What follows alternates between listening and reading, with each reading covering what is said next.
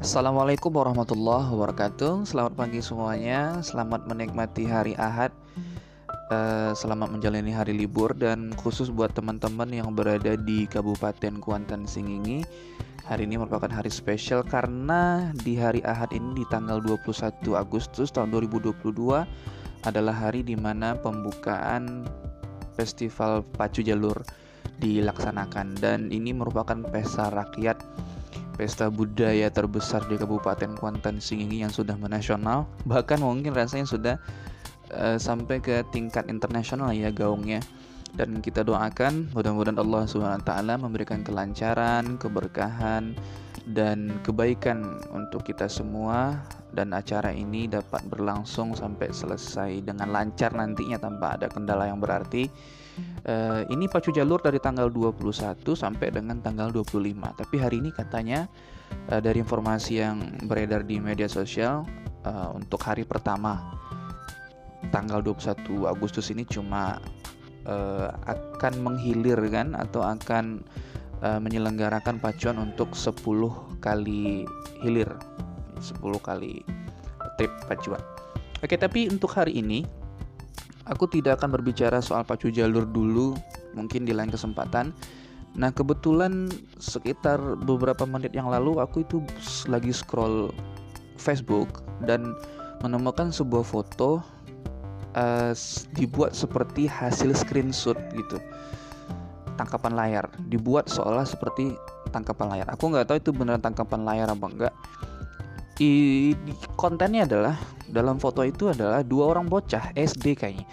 Lagi foto deket-deketan ala-ala ABG gitu. Tapi fotonya masih dalam tahap yang wajar ya. Cuma cuma berdiri uh, berdampingan gitu. Nggak peluk-pelukan atau enggak yang atau melakukan hal-hal yang tidak senonoh ya.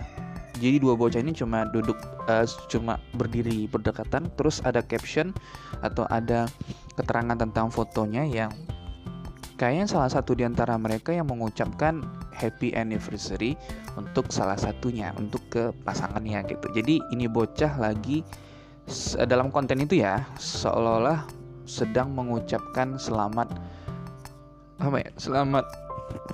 Karena telah melewati hubungan percintaan itu dalam beberapa waktu.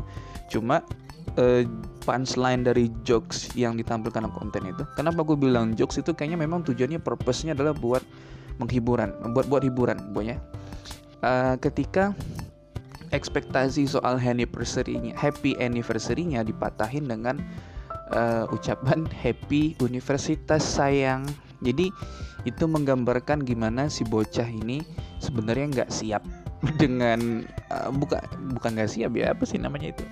Uh, belum waktunya mereka buat cinta-cintaan.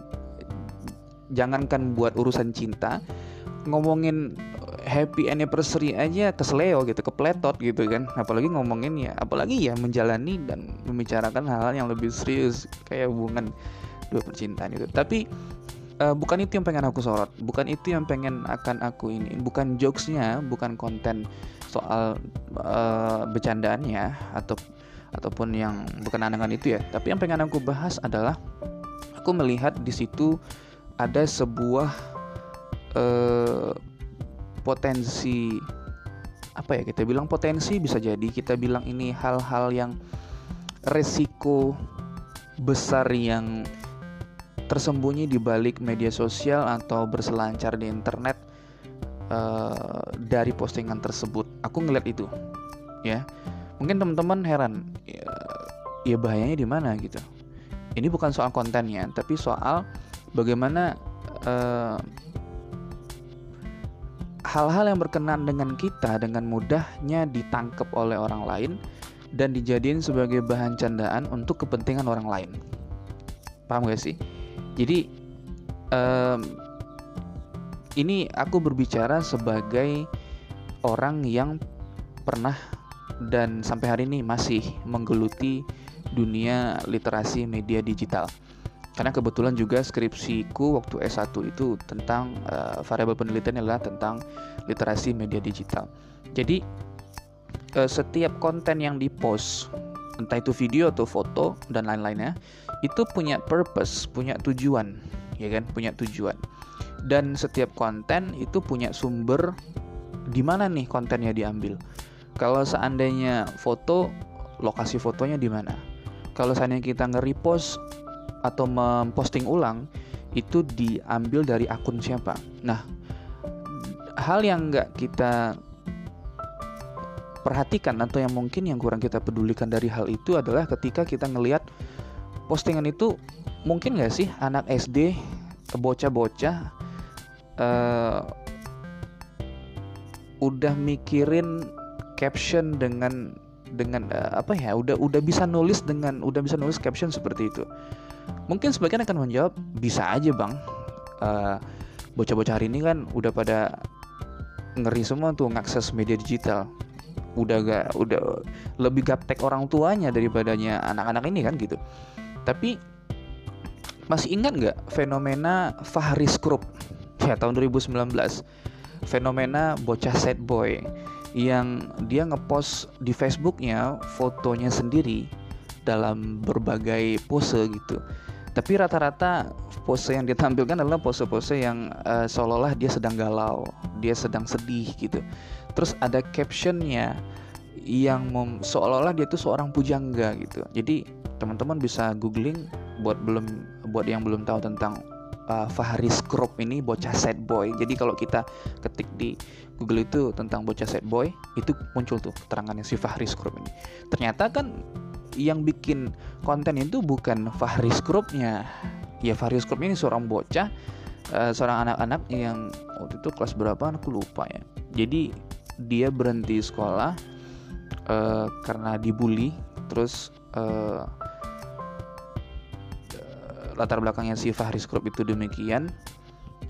Terus uh, si Fahris Group ini punya akun Facebook dan dia bikin dan dia ngepost foto bikin konten gitu. Nah orang pikir itu kan si Fahri Si Fahrinya yang bikin gitu. Si Fahrinya yang bikin konten tersebut.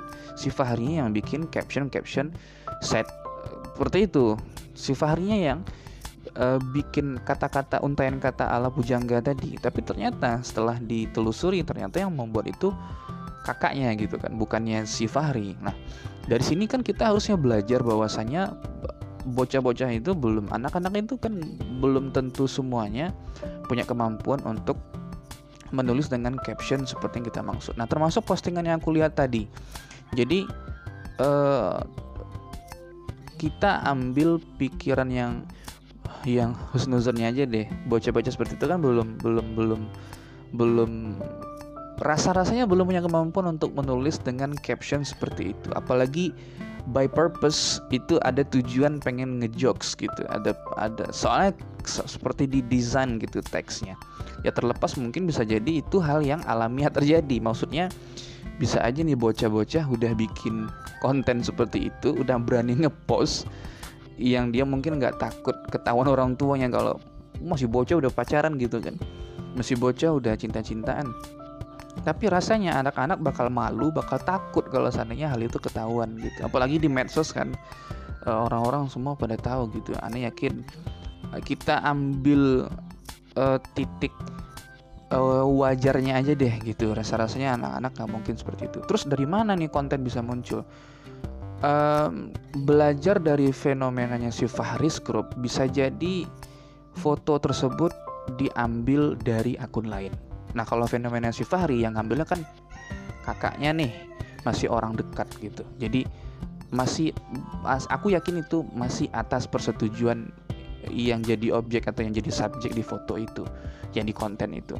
Nah dua bocah yang di foto ini, aku nggak yakin uh, itu foto beneran mereka ambil buat bikin konten happy anniversary itu bisa jadi itu foto diambil dari suatu tempat entah di mana atau mungkin ini dua bocah dimanipulasi kali ya buat untuk deket-deketan fotonya terus difoto, dipost, bikin caption seperti itu seolah-olah itu mereka gitu. Nah kenapa gue ngomong kayak begitu?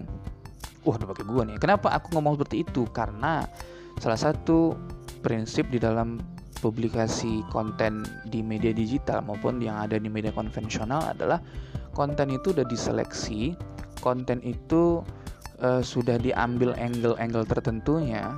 karena nggak semua angle akan ditampilkan karena tidak akan semua durasi pada satu event itu akan ditampilkan. Kalau video ya. Artinya ada proses seleksi ada proses pemilihan ada proses uh, menetapkan bagian mana yang akan ditampilkan. Karena media menampilkan konten itu by purpose. Ada tujuannya. Ya kan? Ada tujuannya. Jadi mungkin kita juga harus berpikir kritis bahwasanya ini soal uh, privacy. Ini soal bagaimana orang lain uh, menjadikan kita mengeksploitasi kita sebagai objek di konten mereka. Mungkin apa yang kau omongin ini kayaknya kacau balau ya tapi aku berusaha aku berusaha aja untuk rapi nyampeinnya karena uh, jujur aja aku agak gemes gitu ketika ngelihat hal-hal yang seperti ini terjadi berulang-ulang. Aku yakin ini bukan bukan baru pertama kalinya kita temuin hari ini. Karena aku juga udah lihat ini dari beberapa tahun belakangan. Bahwasanya foto aku aja itu ada yang ngambil tanpa sepengetahuan aku kemudian dipost dibikin kon dibikin caption yang seolah-olah itu aku yang ngomong gitu dibikin jadi by purpose itu jokes by purpose itu mereka jadinya sebagai bercandaan tapi tetap aja aku nggak seneng karena mereka ngambilnya tanpa izin gitu Nah, nah hal yang sama bisa saja terjadi kepada dua bocah ini. Pernah nggak sih kita mikirin bahwasanya hal-hal seperti itu bisa menghancurkan reputasi seseorang? Hal-hal yang seperti itu justru menunjukkan bagaimana kita nggak punya lagi privacy di dunia yang di dunia yang penuh dengan lintasan internet pada hari ini.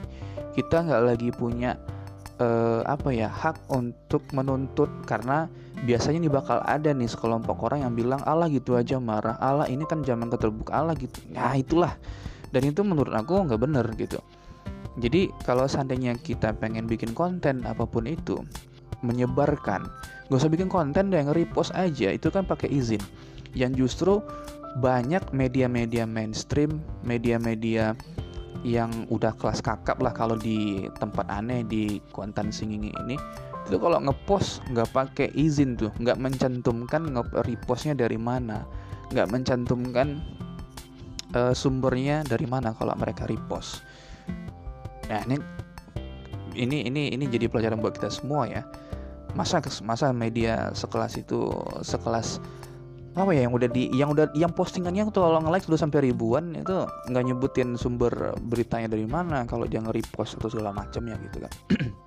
nah kembali lagi ke fenomena si bocah yang anniversary tadi dua bocil yang anniversary tadi jadi aku menangkap di situ ada potensi bahwasanya privasi kita ini dengan mudahnya dilanggar oleh orang-orang lain dan berdalih untuk hiburan. Jadi uh, sebenarnya itu nggak benar ya. Jadi aku yakin itu bisa kita bisa kita tuntut karena dengan cara seperti itu. Karena aku pernah ngalamin juga di mana fotoku itu diedit uh, badannya badan orang lain, kepalanya kepala aku. Tapi masih dalam tahap yang wajar ya. Aku waktu itu fotonya foto badan pembalap gitu, badan seorang pembalap. Lagi foto sama cewek di samping gitu. Itu meskipun fotonya masih wajar, tapi menurutku itu foto yang nggak banget deh gitu. Aku udah bilang sama orang yang ngedit buat ngehapus foto itu, tapi masih belum dihapus. Dia masih ketawa dengan bilang ah, masih disimpan kok bang, ini di sini aja kok bang aman gitu. Nah jujur aja itu nggak nyenengin banget itu ngeselin banget tau ya kan karena satu saat bisa jadi dia khilaf kan atau mungkin ada orang lain yang ngambil foto tersebut dijadiin bahan candaan di media sosial terus ditulis caption-caption lawakan tertentu jokes tertentu yang seolah-olah itu aku yang ngomong walaupun nggak dibilang itu uh, aku yang mengucapkan aku yang bikin caption tapi dengan adanya foto aku di situ seolah-olah itu uh, tindakan ya se seolah-olah itu foto mewakilin apa yang aku ucapkan, apa yang aku lakukan atau apa yang terjadi di foto itu. Nah, ini yang berbahaya menurut aku, bahaya besar yang kita sering abaikan uh, ketika melihat postingan-postingan seperti itu. Jadi uh, terus gimana dong, Bang solusinya? Uh, karena uh, kalau harus kalau kalau kalau seandainya seperti itu ini nggak boleh itu nggak boleh itu kan berarti uh, mematahkan apa ya mematahkan soal prinsip internet itu sendiri atau sosial media itu sendiri bahwasanya uh, apa pun hari ini bisa diwartakan, apa pun hari ini bisa diaktualisasikan, apa apa pun itu di hari ini bisa di-sharing dengan cepat. Nah, yang harus kita lakukan adalah tentu harus belajar untuk berani minta izin dan mau untuk uh, minta izin lah terhadap orang yang ada di Eh, konten-konten uh, tertentu atau orang yang akan kita jadikan sebagai uh, subjek atau objek di konten yang akan kita publish gitu. Itu bener karena gini kembali lagi ke yang di awal aku bilang by purpose dengan adanya tujuan gitu. Ada tujuan di sana.